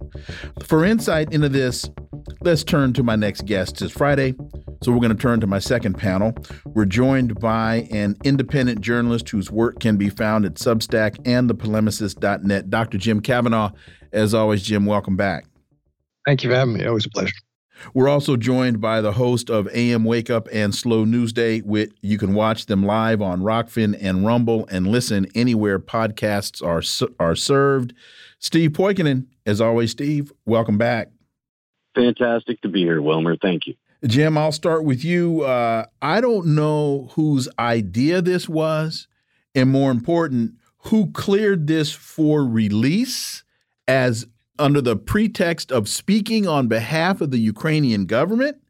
But again, this is really insane talk from Crazy Town. Dr. Jim Kavanagh. Well, I'm gnashing my teeth and my rabid mouth is foaming. I mean, it is like a, it, it looks and feels like a, a SNL skit. Mm -hmm. You know, uh, and really, if you haven't seen it, it's kind of bizarre, and should watch it just for the uh, the horror show value. Uh, but also, I mean, this person, Sarah, I don't know what uh, the original nationality of Sarah is. British or American, I guess. I, th- I believe American. Uh, sounds American, yeah. I thought it may be British because Ashton has hyphenated. Anyway, uh, she seems to be making a, a, a specific threat against a specific journalist person uh, of assassination. I mean, you can't. It's hard to watch this and come to any other conclusion, which is kind of bizarre. I wonder who's going to get killed this week. I mean, it's it's just a horrible thing to watch. And as you say, they're not ashamed of this anymore. They put it out, and and these are fascists.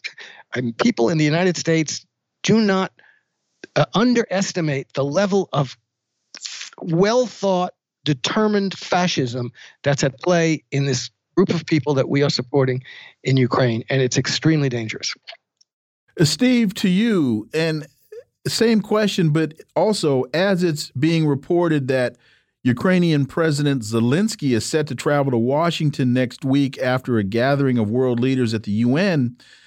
And his visit has been coordinated with the Biden administration in a joint push to get Congress to provide 24 billion in, in additional aid. I, I think they need to play this, and I'm I'm very serious when I say this. They need to play this video right before Zelensky's address to Congress and ask him to explain it since Sarah Ashton Cirillo is supposed to be the Ukrainian armed forces spokesperson. Steve Poikonen. I mean, uh, Zelensky is currently running around telling everybody, hey, you took in a bunch of Ukrainian refugees, and if you don't give me everything I want, well, I'm going to tell them to break your town. Well, and so, wait a minute to that. Wait a minute, Steve, because to that point, he's also saying to Australia and other European countries, I want you to send those uh, refugees back because I'm running out of soldiers and the Russians need more targets. Yeah. So I the the video that was put out by their I you know Ministry of Propaganda or War Propaganda or whatever the the title they they gave it was uh it, it tracks. It's in line with it. Sure it sounds like she's doing Game of Thrones fan fiction. Sure it, it does. It sounds like it was written by a a 12 year old who had just completed, you know, re- reading his very first war story or something like that. It is terribly written. It's terribly acted. It's performed for an audience of, I guess, us so we can make fun of it. But the underlying implications are the Ukrainian government, which you should read as with permission of NATO and United States, UK specifically, is announcing that they're going to be and continue to stalk and murder journalists for reporting on what they're doing. So that should have everyone who's at least a fan of the free press and for honest journalism in wartime or the closest thing we can get to it, you know, standing up and going, Hey, hey, wait a minute, wait a minute. We're doing what now? We're, we're just openly talking about assassinating journalists. This is, this is okay. Jim, to Steve's earlier point, Zelensky threatens to terrorize Europe. The Economist has published an interview with him and includes his unusual, un, this is from Moon of Alabama, unrealistic platitudes about not ending the war until Russia has completely pulled back. This is delusional to be kind, Jim Kavanagh. Well, uh, unfortunately, it's not that delusional. Look, Sarah's uh, assassination threat is part of a program that's already happened. I mean, the Russians and the, excuse me, the Ukrainian SBU has carried out assassinations. No, what I what I'm sorry, what what I meant what I meant was delusional was that the war is not going to end until Russia completely pulls back. That's delusional. Yeah. Yeah, yeah, yeah, yeah. Unfortunately, the, the, threats of violence are not delusional. As I say, the Sarah the, the assassination, the threat as thing that's part of a program that's been carried out in Russia and in Donbass and uh, you know, they blew up uh, Dugin's daughter. They blew up another guy in a in a in a, in a cafe, and uh, now Zelensky is saying, "Yeah, well, you got millions of Ukrainians in, in in these European countries now, and if you back off on us, they're going to be activated essentially as as for violence and terrorism in your countries, and that's a real possibility. so this is what I'm saying. This is a the the, the fascist groupings in Ukraine who are at the highest levels of the government and the military have connections with fascist groupings in Europe and with their own people now. Million, how many? I don't know how many people left, left Ukraine into Europe, and they're in European countries, and they might very well act against uh, protest in their own inimitable, violent way against European governments that back off from supporting Ukraine. On the other hand, as you've pointed out, uh, you know, the Ukrainian government is now getting these European governments, what they call refoulement, fool, send back uh, these refugees. Germany is doing it. I think uh, uh Poland is doing it to send back anybody the Germans want, uh, the Ukrainians want to get back to, to use as soldiers and cannon fodder. fodder. So it's going to be there's a mess that the Europeans have gotten themselves into, and it's only going to get worse. Steve, uh, reading some of uh, Zelensky's comments, again, delusional. He says a negotiated deal would not be permanent. The Russian president has a habit of creating frozen conflicts on Russian borders.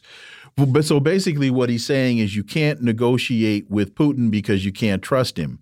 But when you really look at history, first of all, you don't have to go back that far. I think it was last April, where, as I read the reports, Zelensky was ready to negotiate, and the United States sent Boris Johnson in to tell him that he couldn't. So I, I wonder what has changed Zelensky's historic perspective if last April he was willing to negotiate, but now all of a sudden you can't trust what Vladimir Putin says. And I would think if you want to try to save any semblance of Ukraine, you would want to negotiate some kind of end to this because I can only see that Russia is going to proceed in, until they've either reached a, a, a negotiated settlement or they've taken over the country. And then he goes on to say curtailing aid to Ukraine will only prolong the war. It will create risks of the West in its own backyard. There's no way of predicting how the millions of refugees would react to their country being abandoned. I mean, he's basically making veiled or not so veiled threats to the West doesn't sound like he appreciates uh, what he's gotten to this point, Steve. Let's put this in some actual perspective because Zelensky, the, even six, seven years ago, was a TV comic. He was a, a, a actor. we were making fun of the, you know, the the video that looks like a Saturday Night Live skit. Well, that was Zelensky's actual job. So the political acumen, the historical acumen, the the foreign and domestic policy acumen that he brings to the table is that of a guy who is on video playing piano with his winky.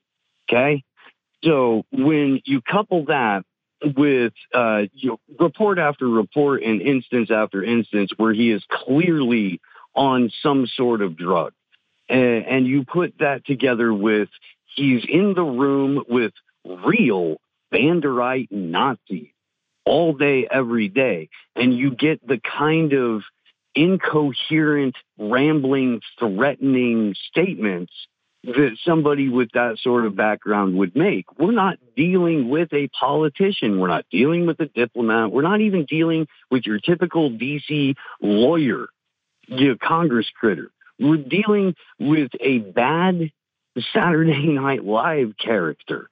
And so he's going to act in very, very, very uh, I, silly, silly ways. Mm-hmm. That, that's the way I see it. Okay.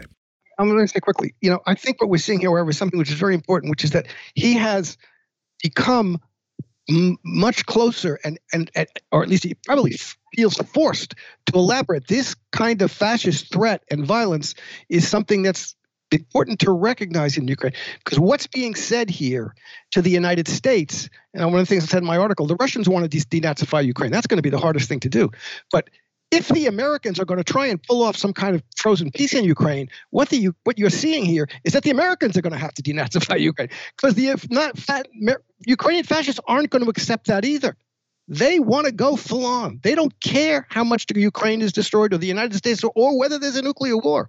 They want to go full on. And that's what they're saying here. And this is the problem the United States is saying. And what we're seeing is if you're going to try and pull off some kind of even you know, version of a frozen peace that you think is going to work for, you know, we'll rearm the Ukrainian army over five years or 10 years. The Ukrainian fascists aren't going to put up with that. So they're going to have to get rid of the fascists in some way, and that's what you, Zelensky realized he's stuck with now. So he's making sure that the fascists aren't going to kill him right right now. But Steve, to Jim's point, does the United States want to get rid of the fascists, or are they quite comfortable with them and would have no problem with them continuing to exist? So I guess it, of course, they don't have any problem with the fascists. Of course, they don't have any problem continuing their existence. They've been funding it since the end of World War II. That's my if point. not during or before. It, it's what it is. Is uh, when is Zelensky's usefulness out? Mm-hmm. And I think Zelensky sees some of that, which is uh, to Jim's point, which is why he's echoing what these Banderite fascists are saying. I think that he, he, for a minute, thought that he could get out of this or get through it, and now he's it's finally starting to sink in what a pawn he has been the whole time. So he's definitely covering his back at home first, but he'll try to pander and threaten as he comes to sit down with with Sleepy Joe and the rest of Congress uh, here in a couple days. Fox News and other outlets report White House sends letter to media organizations demanding quote scrutiny end quote of Republicans amid impeachment inquiry. The White House urged media outlets to ramp up their scrutiny of House Republicans for opening an impeachment inquiry of President Biden in a forceful letter sent to news organizations this past Wednesday. It's time for the media to ramp up its scrutiny of House Republicans for opening an impeachment inquiry based on lies, the letter which has been obtained by Fox said.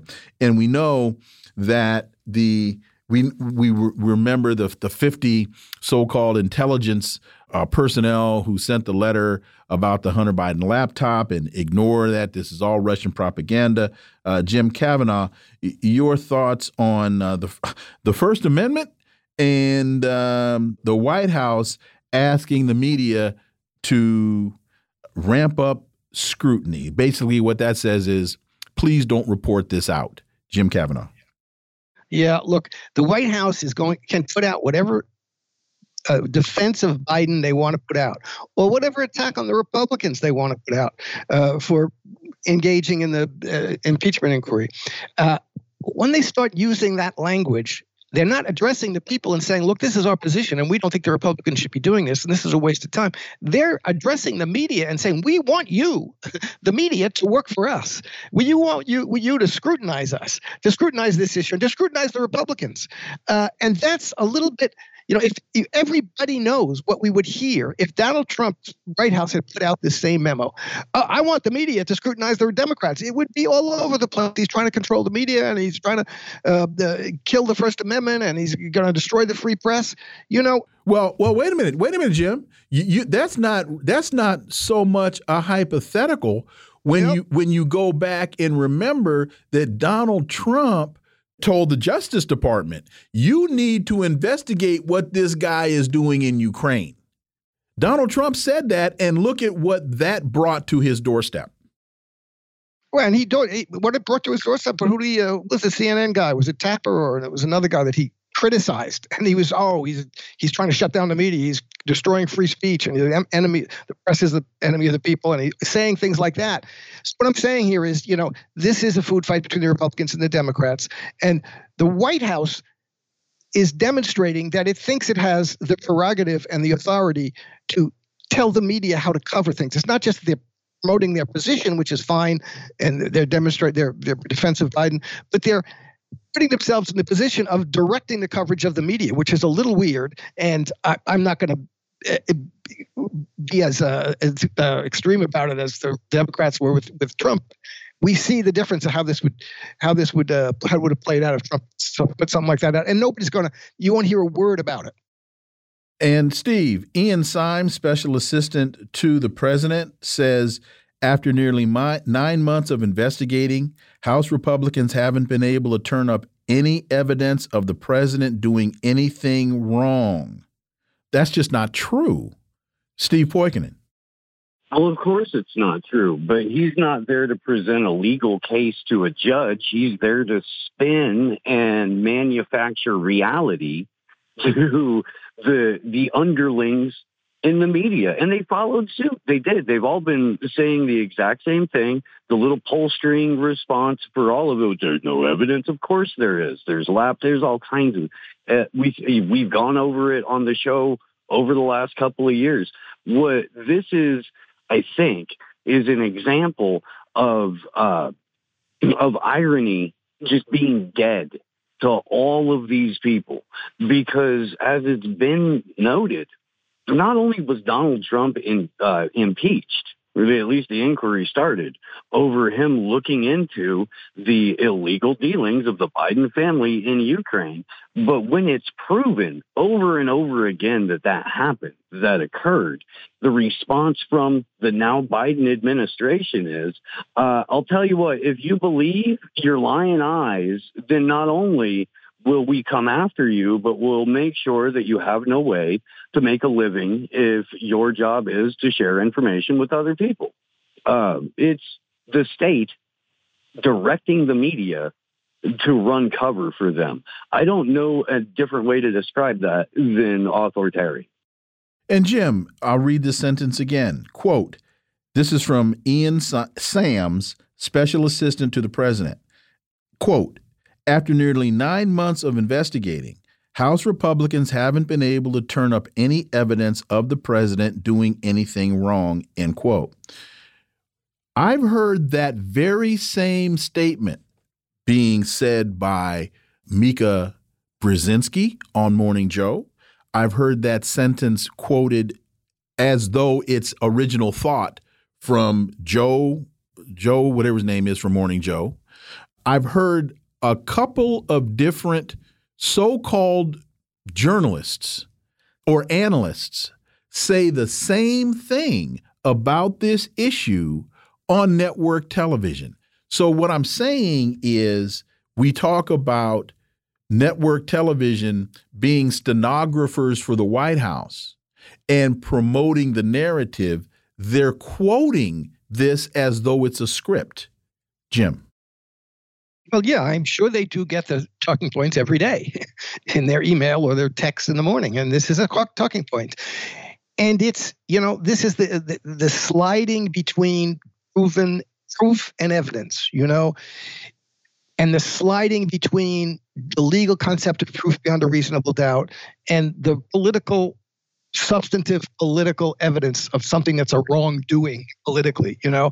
And there's clearly an enormous amount of evidence that it, it you know, may not be legal proof in the sense of proof beyond a reasonable, about, about reasonable doubt legally, but is politically very damning evidence of at least the appearance, at least Joe Biden's uh, nonchalance about the appearance of conflict of interest. He could have refused to go to these dinners. He could have refused to get on the phone calls, with knowing that his son was involved with a company with a country that he was essentially running. So even at that level, it's politically, uh, uh it's evidence of a politically damning thing. But we have evidence that he was being paid. We have his own son saying he gave half his salary to them. We have they have bank records and records showing that Biden's home expenses were paid out of Hunter Biden's and his business partner's, partner's bank account. We have evidence of a, an email in which it is said that 10, 10, 10% is held for the big guy. That's corroborated evidence. So it, you know, is it proof beyond a reason? That, that's not the issue here. This is the thing, though. This is the the magic of language because in legal terms, according to in a courtroom, finding fingerprints on a gun after the fact is indirect evidence. So they're saying there's no direct evidence by a very specific legal standard and that's the that's the word magic that they're running there and to that point uh, i don't have the statistics in front of me but most convictions in court are based on circumstantial evidence not direct evidence so you're right. It's it's word salad, and uh, they need to work on that. The president faces another issue. You got a lot more voices that are coming to the forefront. President Biden should not run again in 2024. This is an op ed written by none other than David Ignatius, who is the insider's insider. And David Ignatius doesn't write anything without having it cleared first. Uh, Jim Kavanagh, when, when David Ignatius writes an op ed like this and it's published by the Post, that is a very, very bad sign for the Biden administration. Yes, and add to it CNN doing a whole segment about all the stories that he invented, uh, lies he told, which is uh, for the first time they're focusing on that. Joe Biden is not going to be the Democratic nominee in November 2024. How they're going to get out of it between now and then is, is, is a complicated and difficult position, position to him. But what we're seeing is that's being prepared. And uh, the public is being prepared on that. What, wait a minute. He's going to keep why, saying. Why, before I go to, to Steve, You say this is going to be difficult. Why is it going to be difficult? Is it going to be difficult because the Democrats don't know what to do? Or is it because the Democrats know what to do, but they're too afraid to do it? Or is it because Joe Biden can't read the, read the tea leaves and, and needs Luca Brasi to come in and let him know either your brains or your signature are going to be on the contract? Yeah, no, he'll they'll get rid of Biden. Joe will go in and say, "We got to go home now." oh, I got, no, I got to go to bed. I, I got to go to bed. Yeah. but it, no, the, the, complications are they don't want to get, they can't give it to Harris. They don't want Harris to do it. The complications are they, if they really are against RFK Jr., and I'm starting to have little cynical doubts about that, they they can't have a, a they can't open it up too soon. They'll have to have primaries. So they have to try and figure out a way of doing this that both gets rid of Harris without destroying them and both uh, sidesteps the, the notion of primary. So they'll try and keep him on, I think, until the convention. You know, keep him saying, I'm going to run, I'm going to win. It's a very complicated situation. Just looking at the situation between Harris and RFK, you know how what how are they going to negotiate that well and, and well and and steve i'll come to you i don't see vice president harris being that being that much of a challenge because she's nothing but an opportunist and so if they put the right opportunity in front of her, she will, as as I have said to, uh, don't go away mad, just go away. They, they can they can give her what I believe. Uh, honestly, I don't think she wants to be president because she knows she's in over her head as vice president. So, Steve, your thoughts? Nancy Pelosi was. was uh, oh, that she wasn't kind. well, the vice president doesn't do much, you know. So it's okay. It's okay. But but here's here's how they do it. Uh, they've got to they've got to try to keep Joe out of the spotlight for a little bit. They will about a week before the convention pull him. Kamala gets her asterisk presidency uh, for a couple of months, and then right at the end they do like a just a, a very short primary. They let everybody in because RFK Jr. has to be the, the Bernie Sanders sheepdog to get a bunch of people back into the party. They rig it like they always do, and you get Gavin Newsom as your uh, your your foe against, I'm guessing, Donald Trump, who has said on record, I like Gavin Newsom. He's a friend of mine. I would love to run against him. That'd be great. But Jim, why go through all of that when you can just get? I mean, here's the thing: if they can get Biden to step down before the convention, problem solved. You don't have to. If you are able to get him to do that, then you can get him just to say, I'm not going to run in 2024. And we can find a way to get Kamala out the way. So I, I don't think it has to be I don't think the machinations have to be that difficult, Jim Kavanagh. Well, yeah, I agree with you. They they give Kamala the right package. She's golden parachute. She's going to jump. That's not a problem.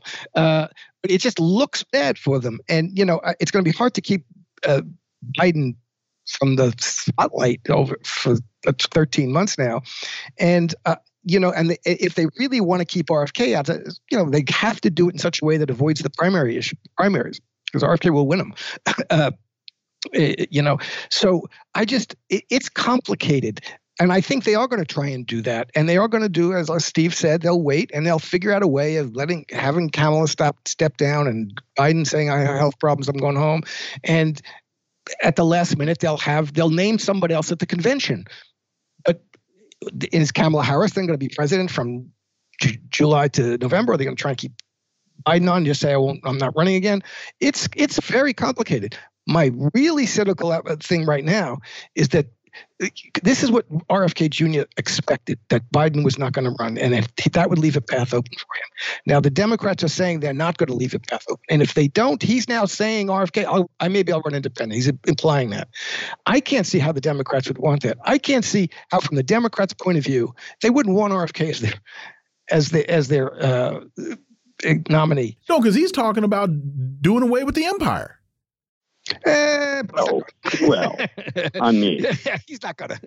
I mean, no, but no, but what I'm saying is that's what I'm not making that up. That's what he's saying. Steve, he's not nearly as emphatic about that as Dr. West is. But when you go to his webpage, he talks about the empire's done and we cannot continue to impose our wills upon the world. We got 30 seconds. How do the Democrats square that circle? the same way that they square the circle every four years. They have their friendly secretaries of state and precinct captains and so on and so forth work a little bit of magic. okay, them. all right. It, it, it's what didn't Stalin say? It doesn't matter uh, who votes; it's who counts them. Yeah, there you go.